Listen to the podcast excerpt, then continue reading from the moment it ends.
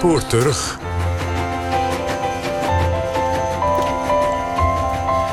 Ja, Heerlen. Ooit Limburgs trots was vanaf de jaren 70 tot ver in de jaren 90 de Nederlandse harddrukstad. Met bijbehorende overlast van criminaliteit en straatprostitutie. Waarom liep het juist daar zo uit de hand? De sluiting van de mijnen is de meest gangbare verklaring. Maar er was meer aan de hand. De opening van het NAVO-hoofdkwartier in Brunsum, nu precies 50 jaar geleden, bracht naast welvaart ook drugsverslaafde militairen uit Vietnam. En zo deden harddrugs hun intrede in Limburg. Luister naar Foute Vrienden, een verhaal gemaakt door Geert van der Wetering en Danielle Eemans.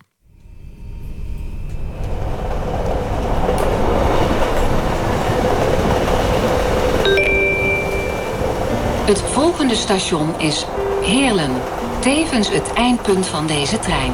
Denkt u bij het verlaten van de trein aan uw bagage. Station Heerlen. We hadden de onveiligste station van Nederland. Het onveiligste. We hadden de onveiligste buurten.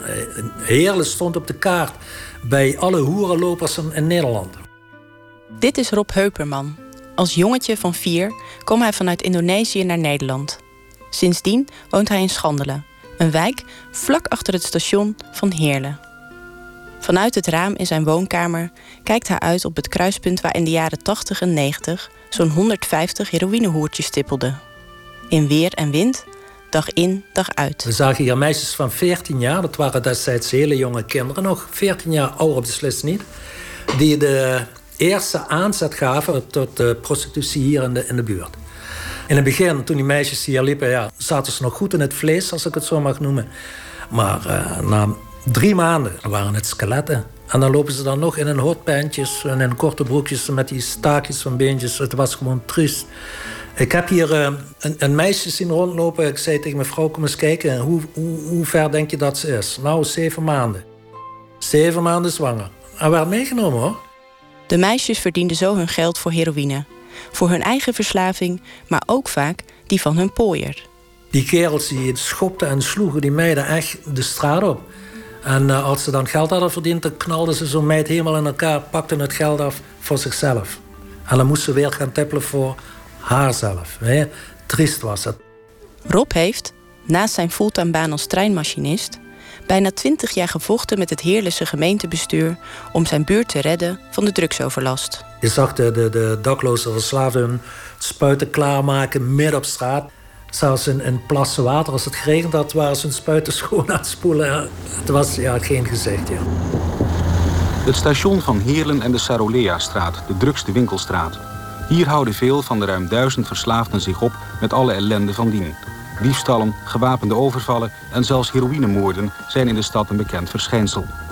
De criminaliteit steeg in de afgelopen twee jaar met niet minder dan 40 procent. Vorig jaar kwamen in Heerlen met zijn 93.000 inwoners bovendien 13 verslaafden door een overdosis te overlijden. Gemeten naar het aantal inwoners is dat zelfs meer dan in Amsterdam. Heerlen werd op een gegeven moment uh, een van de, de, de, de grootste drugsteden, snap je? Dit is Johnny. Dat is trouwens niet zijn echte naam, maar vanwege zijn nogal bewogen verleden blijft hij liever anoniem. Halverwege de jaren 70 begon hij met dealen. Hij was toen nog maar 16 jaar. 5, 6, 600 gulden op een dag, dat was soms niks. Twee jaar later raakt Johnny ook zelf verslaafd aan de harddrugs. Ik had 43.000 in dingen liggen, in de kleerkast liggen. Totdat ik ging gebruiken. En toen, uh, drie maanden, was dat weg. Plus het geld wat je nog eens bij verdiende. Johnny is inmiddels eind 50. En ondanks de drugs heeft hij nog steeds een jongensachtige uitstraling. Helemaal afkicken van de doop, dat is geen optie meer. Maar het ruige leven op straat, dat heeft hij definitief achter zich gelaten. De scene in Heerlen was, was een harde scene. Een keiharde scene. Dit is Tetje, ook niet zijn echte naam. Ik was 18 jaar en ik begon, toen begon ik te gebruiken en gelijk stevig. Meteen uh, aan de spuit. Tetje heeft een zachtaardig karakter. De extreme dingen die hij jarenlang heeft meegemaakt, kan hij zich nog levendig voor de geest halen. Als je een boek schrijft, denk ik dat mensen niet zullen geloven dat het waar gebeurd is. Je zit een, een, een shotje te pakken en dan zegt een vriend, zeg, die meer, wat stinkt het hier toch? Ik zeg, ja, ik ruik het ook, net vieze lucht. En een dag later vinden ze Monica, een Duits, Duitse prostituee, al vier dagen in de struiken ligt. Een meter van ons af. En wij zagen ze niet. Uh, ja, dat, dat, is best wel uh, chockerend. Maar als je, als je verslaafd bent, dat telt niet. Jij bent degene op dat moment die ziek is. En jij wilt beter worden. En dan die andere, ja goed, dat is nummer twee. Iemand die de opkomst van de drugszien ook van dichtbij heeft meegemaakt, is Lex Nelissen. Ook wel de nachtburgemeester van Heerlen. Ik hou wel van de zelfkant van dit leven. Zijn carrière in de horeca begon hij als DJ. Qua stimulerende middelen hield hij het, na hier en daar wat kleine experimenten, bij de alcohol. Ik heb wel eens wat uh, gesnoven. En ik heb wel eens wat gerookt, maar ik vond dat maar niet lekker. Ik was meer van de alcohol. Ik vond de alcohol eerlijk. Het kan net zo verslavend zijn, moet ik je eerlijk bekennen. Nee, maar ik had andere verantwoordelijkheden ook, vond ik. En ik had andere prioriteiten. Ik, was, eh, ik, ik, ik draaide plaatjes en dat vond ik ontzettend geil. Volgens Lex begon het allemaal in de Willemstraat. De uitgaansstraat achter het station in Heerlen. Waar van oudsher al een wat ander publiek kwam. Dat was de uh, wrong side of town. Absoluut de verkeerde kant van de stad. Dat hoor je nu nog altijd van vrouwen die nu 75 of 70 zijn. Ja, ik mag daar niet komen van mijn moeder. En het was altijd toch wel een beetje ander publiek. Ik wil niet zeggen minder. Wat meer drank en wat meer onzin en wat meer uh, experimenteel. Die gingen dus naar de Palma. En de Palma was een nachtclub. Dat was striptease. En er was een live orkest. Meestal uh, Roemenen of Italianen. En dat ging ook altijd tot een uur of vijf, zes. En er was iedere week wel een, een politie-invalletje of zo. En het was heel leuk. Er was uh, en strip en er werd ook nog een beetje geanimeerd. Weet je wel, dan kon je aan de bar gaan zitten en dan kon ze een juffrotje naast je. En die zei dan, kan ik wat van ihnen drinken? Ja, dan gaf hij, wat weet ik veel, een piccolo. En dan kostte dat 15 gulden in die tijd.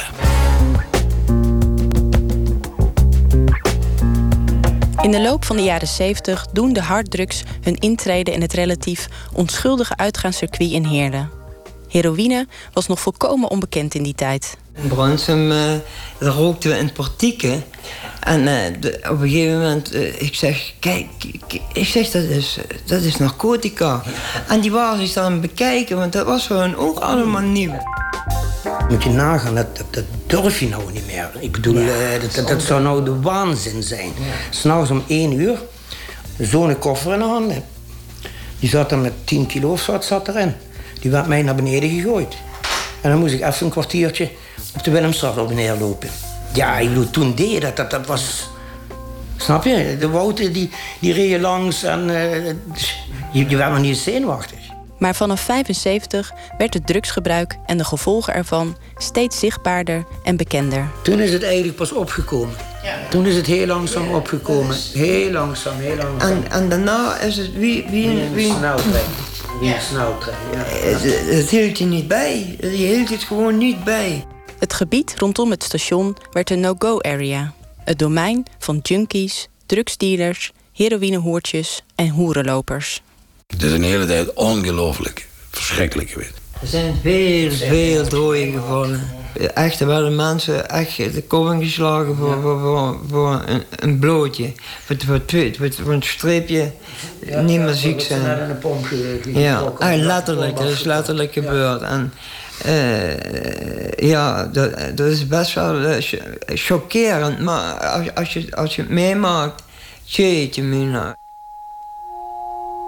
Heerlen, ooit Limburgs trots als een van de rijkste steden van Nederland, was vanaf eind jaren 70 de Nederlandse harddrukstad. Onderzoeker Maries Herman schreef het boek De Antistad over de wordingsgeschiedenis van Heerlen.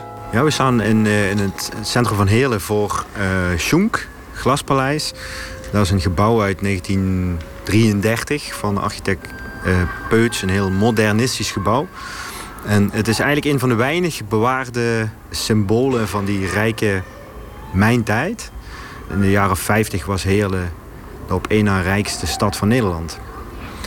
En uh, ook een hele korte tijd opgebouwd. Dus die mijnen zijn hier pas eind 19e eeuw zijn die hier pas uh, gevestigd. En eigenlijk binnen enkele decennia boomde die stad. Het was ook echt een moderne stad.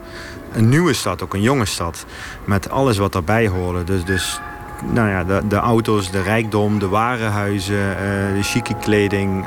ook het streven om modern te zijn. En dan, vrij abrupt, sloten vanaf 1966 de Limburgse mijnen. En zag de toekomst van Heerlen er ineens heel anders uit.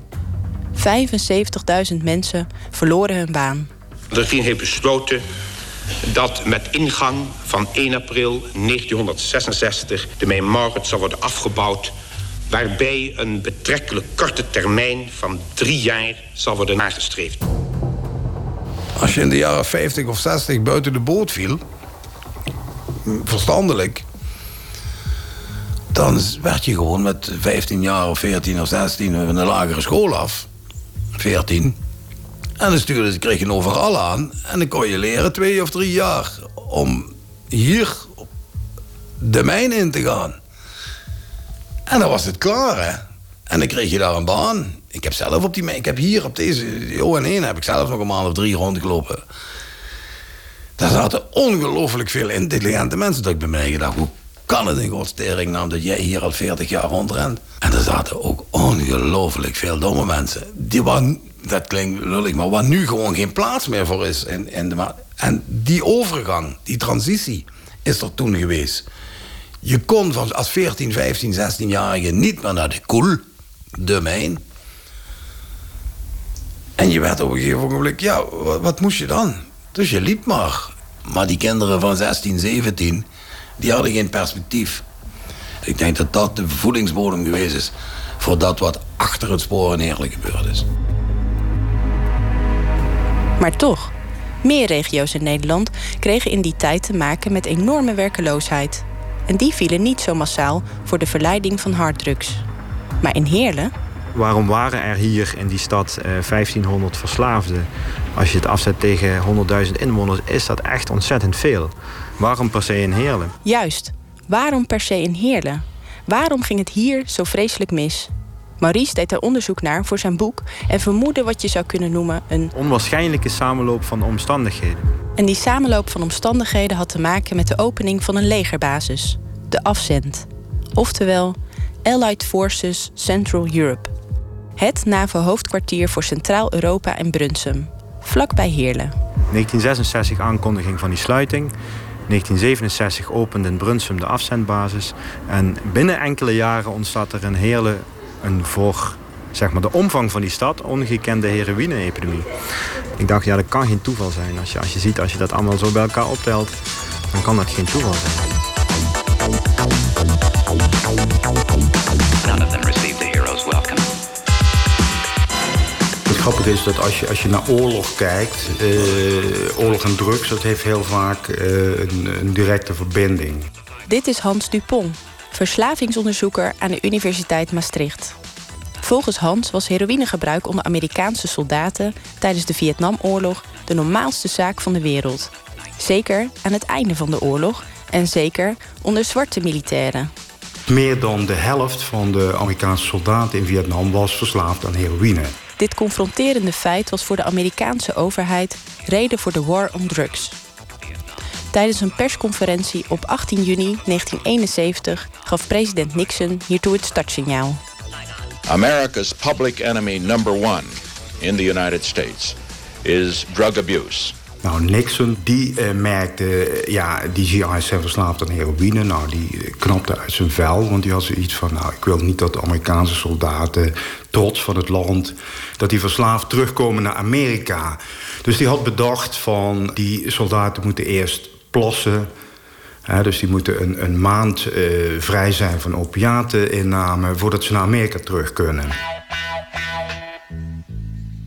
Fundamentally, it is essential for the American people to be alerted to this danger, to recognize that it is a danger that will not pass with the passing of the war in Vietnam, which has brought to our attention the fact that a number of young Americans have become addicts as they serve abroad, whether in Vietnam or Europe or other places. Nixon gaf toestemming aan Operation Golden Flow. Een verplichte urinetest waarbij alleen GI's die slaagden voor de test mochten terugkeren naar de VS. Maar de soldaten die dat niet lukten en verslaafd bleven, werden voor een periode van zes maanden gestationeerd op een Europese basis. Bijvoorbeeld in Brunsum bij Afzend. Dit jaar is het precies 50 jaar geleden dat de NAVO zich in Brunsum vestigde. Een jubileum dat uiteraard gepast werd gevierd met muziek van de militaire harmonie en toespraken van hoogwaardigheidsbekleders. In the 50 years since the alliance first came to Brunsum, the world has changed a great deal. It is a celebration of 50 years of friendship, support, and community. A shared history that we can all be proud of. Long life to NATO, to the city of Brunsum, and to the Netherlands. Thank you very much. Ook Ellen Morgan bezocht de enigszins belegen ceremonie. Unfortunately, my voice has gone a little bit. I've just had a little operation on my throat. Hij komt oorspronkelijk uit Wales en werkt al 40 jaar op het NAVO-hoofdkwartier in Brunsum. It is true that the American soldiers came back from Vietnam. And some of them were addicted to drugs, heroin, cocaine, because of the hell that they've been through. Now, with the American policy was not to put them on a plane and send them straight back to the States, but to give them some time to adapt and also to cool down. So they brought them to JFC then, which was absent. Amerikaanse soldaten kwamen dus rechtstreeks uit de verstikkende jungle van Vietnam voor een afkoelperiode naar Limburg. And absent back in 75, 76, 77 was a very relaxed environment. So they brought a lot of Americans back here, gave them help, treatment until they were capable to stand on their own feet and go back to the States. Ja, die hadden in Vietnam gezeten. Dit is weer nachtburgemeester Lex Nelissen. Ik heb daar natuurlijk wel wat donkerhuidige jongens gezien, wat, wat negers die, uh, die na, na een stuk in de kloten zaten te huilen. Of die helemaal uh, tureluurs werden. Of die uh, drie, deuren, drie deuren insloegen in de straat. En alle vuilnisbakken op een gegeven moment. begrijp je? Dat is dat, gevallen voor, voor ja, een posttraumatisch oorlogssyndroom. Ik weet niet hoe dat allemaal heet. Maar dat, ik heb, dat, dat maakt je daar gewoon dagelijks mee. Dat zo'n jongen gewoon ongelooflijk uh, moeilijk met zichzelf had. Want ja, die hebben natuurlijk het meegemaakt. En daarom was volgens mij, dat weet iedereen, de hele Amerikaanse leger zat vol met die rots. De plek waar de Amerikanen samenkwamen is de Dancing Shangri-La, gelegen in de Willemstraat. De uitgaansstraat achter het station van Heerlen. Uh, we gaan dus nu naar uh, de Dancing Shangri-La. Een dancing waar uh, toch wel heel veel drugs werden gebruikt. Dealers bij elkaar kwamen en ja, eigenlijk de Heerlense uitgaansjeugd kennis ging maken met harddrugs. Dit is weer Rob Heuperman. De man die vanuit zijn woonkamer getuige was van de ellende van de hoeren en junks. Ook hij zette zo nu en dan een voet in de donkere krochten van de dancing. Voorheen was het een, een, een hele diepe nes met een donkere geverfde ruit. Je kon niet naar binnen kijken. Uh, het was ook echt heel donker. Want uh, veel van mijn blanke uh, schoolvrienden die wel eens de, de, de, de moed hadden om naar binnen te gaan, die zeiden ook altijd: als ik Shang binnenkwam, zag ik alleen maar witte tanden en witte ogen. Het oogwit. En zeggen, en voor de rest zag je dat niemand. Dus zo donker was het in Shangri-La. En dan ook nog met die blacklights. Nou, dan kan je wel een beetje een beeld vormen wat dan het, uh, hoe het daar binnen toen uitzag. De Shangri-La draaide muziek die je nergens anders hoorde in Zuid-Limburg. De muziek van Zwart Amerika.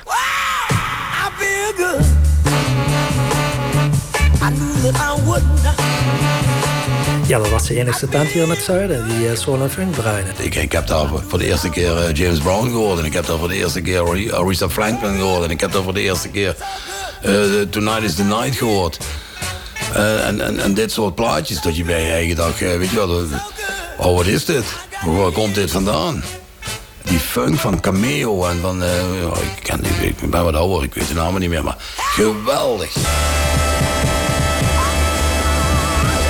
Als je ook zag hoe die Amerikanen op de dansvloer zich bewogen, dat was gewoon uh, super gewoon. Dat waren echte dansers. En dat vonden de meisjes hier in het zuiden vonden dat geweldig, hè? want die jongens konden echt goed dansen. Maar uh, ja, daarom was ik in uh, Shangri-La. Trouwens, mijn allemaal broers. Het was donkere muziek. En ja, we zijn ook niet zo donker, maar wel donker. Maar ja, die beat en dat ritme, ja, dat, dat, dat trok ons gewoon aan. Maar die Amerikaanse soldaten brachten niet alleen nieuwe muziek naar Limburg. Ook hun, nou laten we zeggen, kennis van harddrugs. Die Amerikanen die kwamen in, in de Shang. We hebben de Shang uit. Wat is dat? Hoe doen we dat? Waar, waar komt dat vandaan? Ja, en als je dan vraagt over de, de drugs, ja, ik denk, die zijn dus echt wel begonnen. Met die onzin. De harddrugs had hier nog, nog niet zijn intrede genomen. Dat was uh, echt wel in de tijd dat uh, ja, de Amerikaanse soldaat zijn vertier hier ging uh, zoeken in, in Shangri-La. En daar kwam ook eigenlijk de Limburgse jeugd in aanraking met drugs. When you walk through the door, you're only three meters inside, and somebody would be saying, Do you want cocaine? Do you want heroin?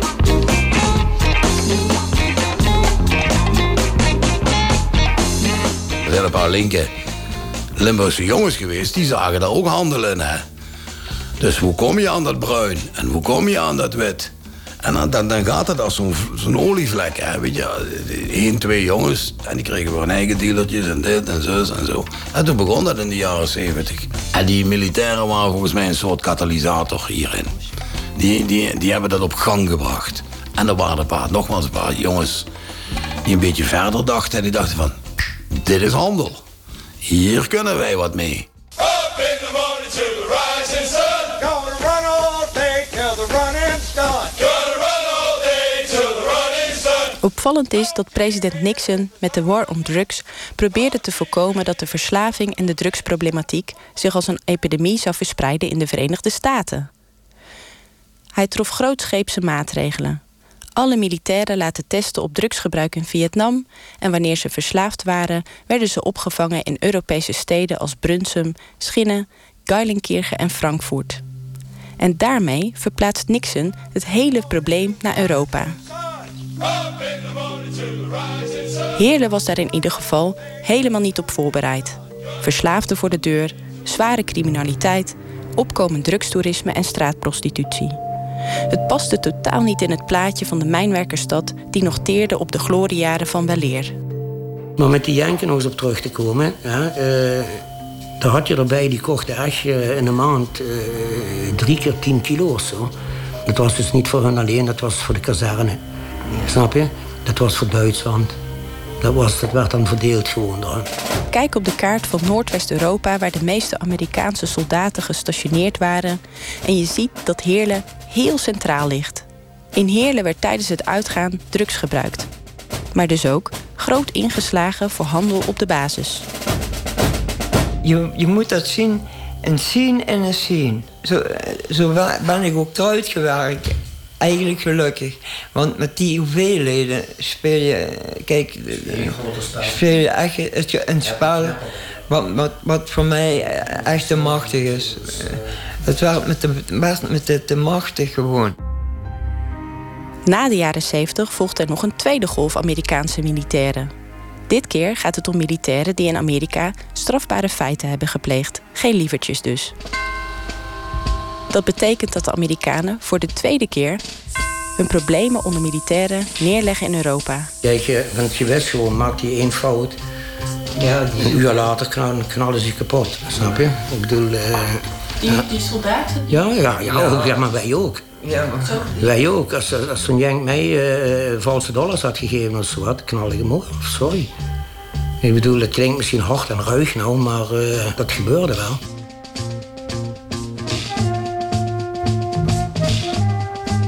Terugkijkend speelde die dancing, de Shangri-La, een cruciale rol in de eerste kennismaking van de lokale jeugd met harddrugs als speed en heroïne. You have to try this. En als je er ontvankelijk voor bent, dan is het. Uh... Amerikaanse soldaten waren rolmodellen. Niet alleen als het gaat om muziek en dance moves, maar dus ook op het gebied van verdovende middelen. En dat is toch begonnen in de Chang, duizend procent. Toen het balletje eenmaal ging rollen, eerst nog langzaam, maar steeds sneller, was er geen stoppen meer aan. Natuurlijk maakte de mijnsluiting en het verloren toekomstperspectief de lokale jeugd vatbaar voor een vlucht uit de werkelijkheid. En juist in deze buurt, met deze jongeren, worden verslaafde Amerikaanse GI's gedropt. Deze uiterst ongelukkige samenloop van omstandigheden zorgde voor een drugsepidemie die zijn weerga niet kent. Je had onvoorstelbaar weer overlast. Nou, dat is zwaarkloot. Echt. Tegen die overlast kwam een burgerbeweging in actie. Dat was uh, in 85 toen, op mijn verjaardag, ik weet nog heel goed, 19 maart. Toen we de eerste uh, actie hier gingen houden in de buurt. Ik had toen een, uh, nou, een honderdtal, 150 mensen heb ik weten te mobiliseren met spandoeken, fakkels, borden en noem maar op. En zijn we de straat op gegaan. En we hebben gezegd, we gaan de straat bezetten zodat rondrijders hier niet meer kunnen rijden. Dus het was een eerste initiatief van burgerlijke ongehoorzaamheid destijds.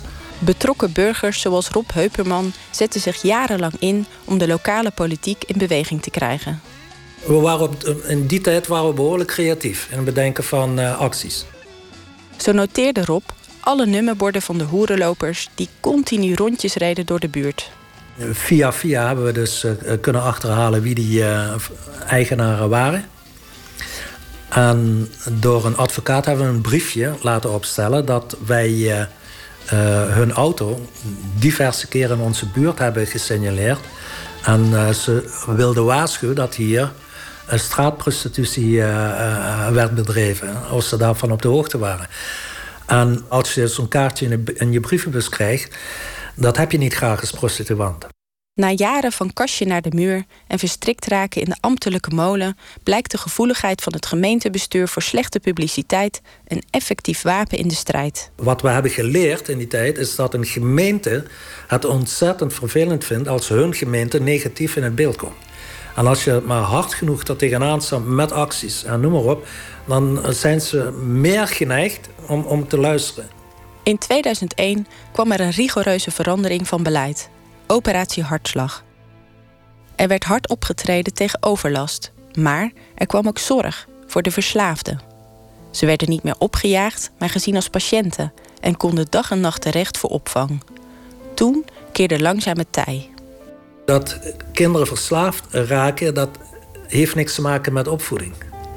Dat heeft te maken met geluk. Mijn kinderen die hebben het echt gezien. Die hebben er tussen geleefd. Die hebben het bijna gevoeld. Maar uh, ze drinken niet, ze roken niet. En uh, ja, goed, uh, ik, mag me daarin gelukkig prijzen. Maar ik, ik heb nooit een, een verwijt richting ouders van wiens kinderen verslaafd zijn geworden. En je kunt je kinderen nog zo goed opvoeden. Als ze met de verkeerde jongens en meisjes omgaan, dan heb je een vet probleem. Je kunt je afvragen of de band van Nederland met Amerika ook niet een soort van foute vriendenrelatie was. Tuurlijk, de Amerikanen schoten Europa de afgelopen decennia te hulp. Ze boden bescherming tegen het Oostblok, met kazernes op strategische plekken en stationering van duizenden manschappen. Alleen, behalve militaire invloed, brachten de Amerikanen ook hun getraumatiseerde oorlogsverleden mee. En een wijdverbreide drugscultuur. En die cultuur reikte tot ver buiten de muren van de kazerne. Nu zijn de heroïnehoertjes uit het straatbeeld verdwenen. En de nog in leven zijnde gebruikers worden tegenwoordig opgevangen in dagbestedingsprojecten, waarbij ze iets terug kunnen doen voor de buurt waar ze voorheen voor overlast zorgden. En dan lopen er nog steeds één of twee of drie of vier of vijf rond. Ik me denk, een mens moet toch ongelooflijk veel kunnen verdragen.